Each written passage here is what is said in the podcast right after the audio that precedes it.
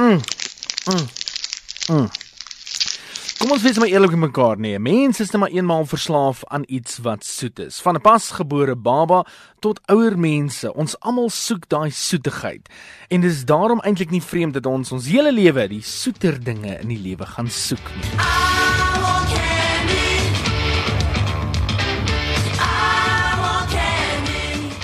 Suiker kom meestal vanaf die suikerriet en dis heeltemal natuurlik en gesond. As jy al aan 'n stukkie suikerriet gekou het, behoort jy die soet smaak daarin te geproot. Die suiker is deel van die plant soos dit natuurlik gemaak is.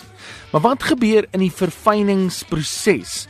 Die proses raak ontslaaf van alles wat nie suikerglikose en frikose is nie, soos vitamiene, minerale en vesel. Die eindproduk is 17 keer soeter as dit waarmee begin is. Dis 17 keer meer gekonsentreerd, gestroop van alles wat goed is in die oorspronklike riet. Dit beteken dat 1 teelepel suiker wat jy in jou koffie gooi, gelykstaande is aan 17 teelepels rou suikerriet. Jy al daaraan gedink om 17 teelepels suikerriet in jou koffie te gooi?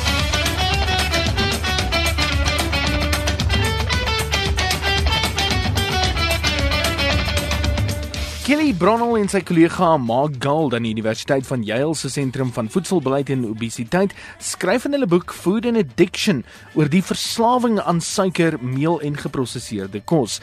Hulle gee 5 vrae wat jy jouself kan vra om te oordeel of jy 'n kosverslawing en spesifiek 'n suikerverslawing het. Hierdie vraag is: Eet jy sekere kos al is jy nie honger nie net omdat jy 'n drang daarna het? Bekommer dit jou as jy dink jy moet sekere kosse uitsny? Voel jy moeg omdat jy te veel suiker inneem? Hou jy aan eet al het jy gesondheids- en sosiale probleme weens kos of oorgewig en moet jy al hoe meer eet van die kos wat jy kryf om dieselfde genot te ervaar? As jou antwoorde in meer as 3 van hierdie vrae ja is, dan het jy dalk 'n probleem en dan moet jy kyk na maniere om jou suikerinname te verminder veral. Hulle sê kyk uit na die versteekte suikers in jou kos. 'n Suiker word in baie verwerkte kosse versteek. As die produk 'n etiket het, lees dit. Dis baie maklik. Jy kan sien veral in die 100 gram afdeling hoeveel gram suiker daai 100 gram bevat. Verminder jou suikerinname geleidelik. Dit help ook nou nie jy begin onmiddellik en sny alle forme van suiker uit nie. Jy gaan sit met 'n kopseer ten minste. So doen dit stelselmatig oor 'n paar dae verkieslik. Moenie obsessief raak nie. Jy kan puristies wees en alle vrugte en suiwel ook uitsny, maar albei bied ook voordele, soos belangrike voedingsstowwe. Fokus dus eerder daarop om gaskoeldrank, lekker goed, koekies en koek uit te sny en beperk jou vrugteinname tot 2 porsies per dag. Hou aan pesel. Hulle sê as jy aanhou pesel, dan gaan jy nie noodwendig lus raak vir suiker nie. Bygesê die peselappies moet gesond wees.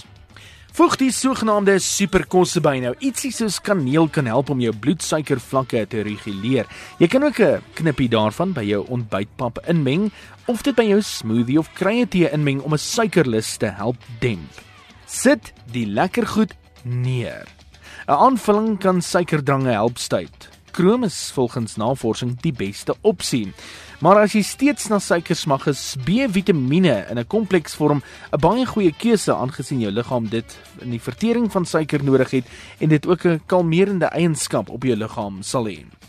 Dink weer oor jou drinkgoed. Water is baie beter vir jou liggaam as 'n suikerige drankie. En as jy al hierdie goed bymekaar meng, het jy 'n plan om van daai suikerverslawing ontslae te raak moeilik soos wat dit kan wees 21 dae later en jou verslawing is gebreek volgens die kenners ten minste. Hey!